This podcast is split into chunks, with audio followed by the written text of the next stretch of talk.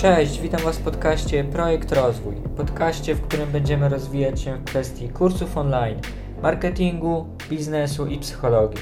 Porozmawiamy o książkach, które warto znać oraz spróbuję nauczyć się czegoś nowego. Każdy odcinek możesz przeczytać w formie wpisu na bloga na stronie kurseo.pl. Jesteś gotowy? Zaczynajmy. To jest drugi odcinek podcastu Projekt Rozwój. Dzisiaj porozmawiamy o marketingu. Na przestrzeni kilku odcinków omówimy najważniejsze prawa marketingu. Zasady są ogólne, nie dotyczą stricte marketingu online. Dzisiaj porozmawiamy o pięciu zasadach, pięciu niezmiennych zasadach marketingu. Jeśli je naruszysz, robisz to na własne ryzyko. Wszystkie te prawa pochodzą z książki 22 niezmienne prawa marketingu autorstwa Al Reis i Jack Troll. Polecam przeczytać całość, jeśli chcesz zagłębić się w ten temat. Zaczynajmy.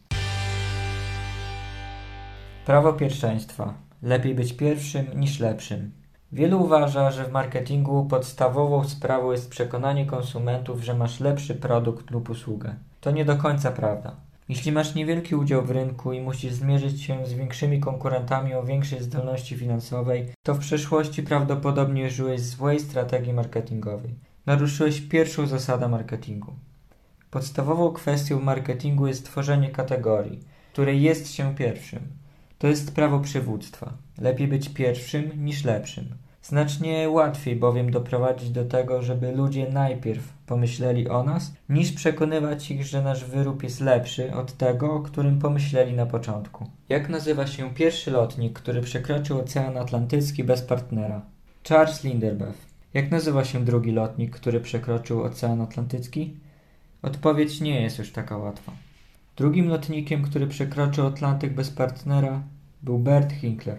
Bert był lepszym pilotem niż Charlie. Leciał szybciej i zużywał mniej paliwa. Mimo to, kto słyszał o Bercie Hinklerze? Neil Armstrong był pierwszym człowiekiem, który postawił nogę na Księżycu. To był drugi. George Washington był pierwszym prezydentem Stanów Zjednoczonych. To był drugim prezydentem. Usain Bolt jest najszybszym człowiekiem na świecie. Ale kto jest drugi? Jeśli zajmujesz drugie miejsce w umyśle potencjalnego klienta, to czy jesteś skazany na zapomnienie wraz z Bazem Aldrinem, Johnem Adamsem, Tysonem Gayem? Niekoniecznie. Na szczęście istnieją inne prawa. Prawo kategorii.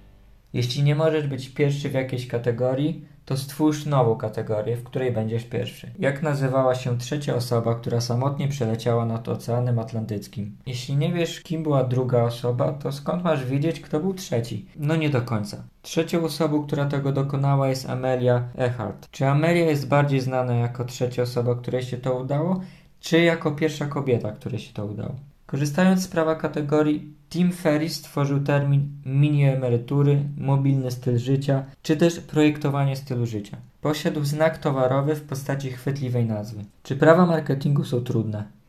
Nie. Są całkiem proste, ale stosowanie ich w praktyce to zupełnie inna sprawa. Przy wprowadzeniu nowego produktu na rynek, pierwsze pytanie, jakie powinieneś sobie zadać, nie brzmi, w czym on jest lepszy od produktów konkurencji, lecz w czym jest pierwszy. Innymi słowy, w jakiej nowej kategorii ten produkt jest pierwszy. Prawo pierwszeństwa myśli. Lepiej być pierwszym w czyjejś świadomości niż pierwszym na rynku. Niestety powoduje to wrażenie, że odpowiedź na wszystkie pytania marketingowe jest taka sama: pieniądze. To nie do końca prawda. Co prawda, więcej pieniędzy marnuje się na marketing niż na jakąkolwiek inną działalność człowieka. No chyba, że masz na myśli działalność rządu. Bardzo trudno jest zmienić czyjeś myślenie.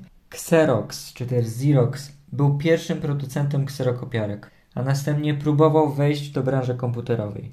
25 lat i 2 miliardy dolarów później Xerox jest nikim w branży komputerowej. Chcesz coś zmienić w komputerze? Po prostu zmień lub usuń kod źródłowy programu. Chcesz coś zmienić w umyśle człowieka? Zapomnij o tym. Kiedy ktoś już wyrobił sobie jakieś zdanie, to rzadko kiedy, jeżeli w ogóle da się je zmienić. Największym marnotrawstwem, jakie można zrobić w marketingu, jest próba zmiany ludzkiego umysłu, czy też ludzkiego myślenia. Jeśli chcesz wywrzeć dobre wrażenie na innej osobie, nie możesz wślizgnąć się do umysłu, a następnie powoli tworzyć pozytywne wrażenie. Umysł nie działa w ten sposób. Musisz przebić się w myślach drugiej osoby. Powodem, dla którego powinieneś uderzyć zamiast wślizgnąć się, jest to, że ludzie nie lubią zmieniać zdania. Kiedy jesteś postrzegany w pewien sposób, to koniec. Prawdopodobnie tak już zostanie. Jak trafić do świadomości potencjalnych klientów? Bądź jak Apple. Miej prostą i łatwą do zapamiętania nazwę i myśl inaczej niż wszyscy. Prawo percepcji. Marketing to nie walka na wyroby, to walka na percepcję. Wielu uważa, że marketing to bitwa produktów. Zakładają, że w długim okresie wygra najlepszy produkt. Marketingowcy żyją z niepokojem, prowadząc badania i zdobywając informacje, analizując sytuację, aby upewnić się, że prawda jest po ich stronie. Następnie wskakują na arenę marketingu, pewni, że wiedzą, iż mają najlepszy produkt i że w końcu wygrają. To złudzenie. Nie ma obiektywnej rzeczywistości, nie ma żadnych faktów, nie ma żadnych najlepszych produktów. W świecie marketingu istnieją jedynie percepcje w świadomości potencjalnego klienta. Percepcja jest rzeczywistością. Cała reszta to złudzenie. Cała prawda jest względna.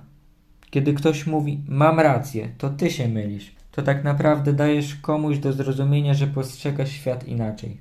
Niekoniecznie lepiej.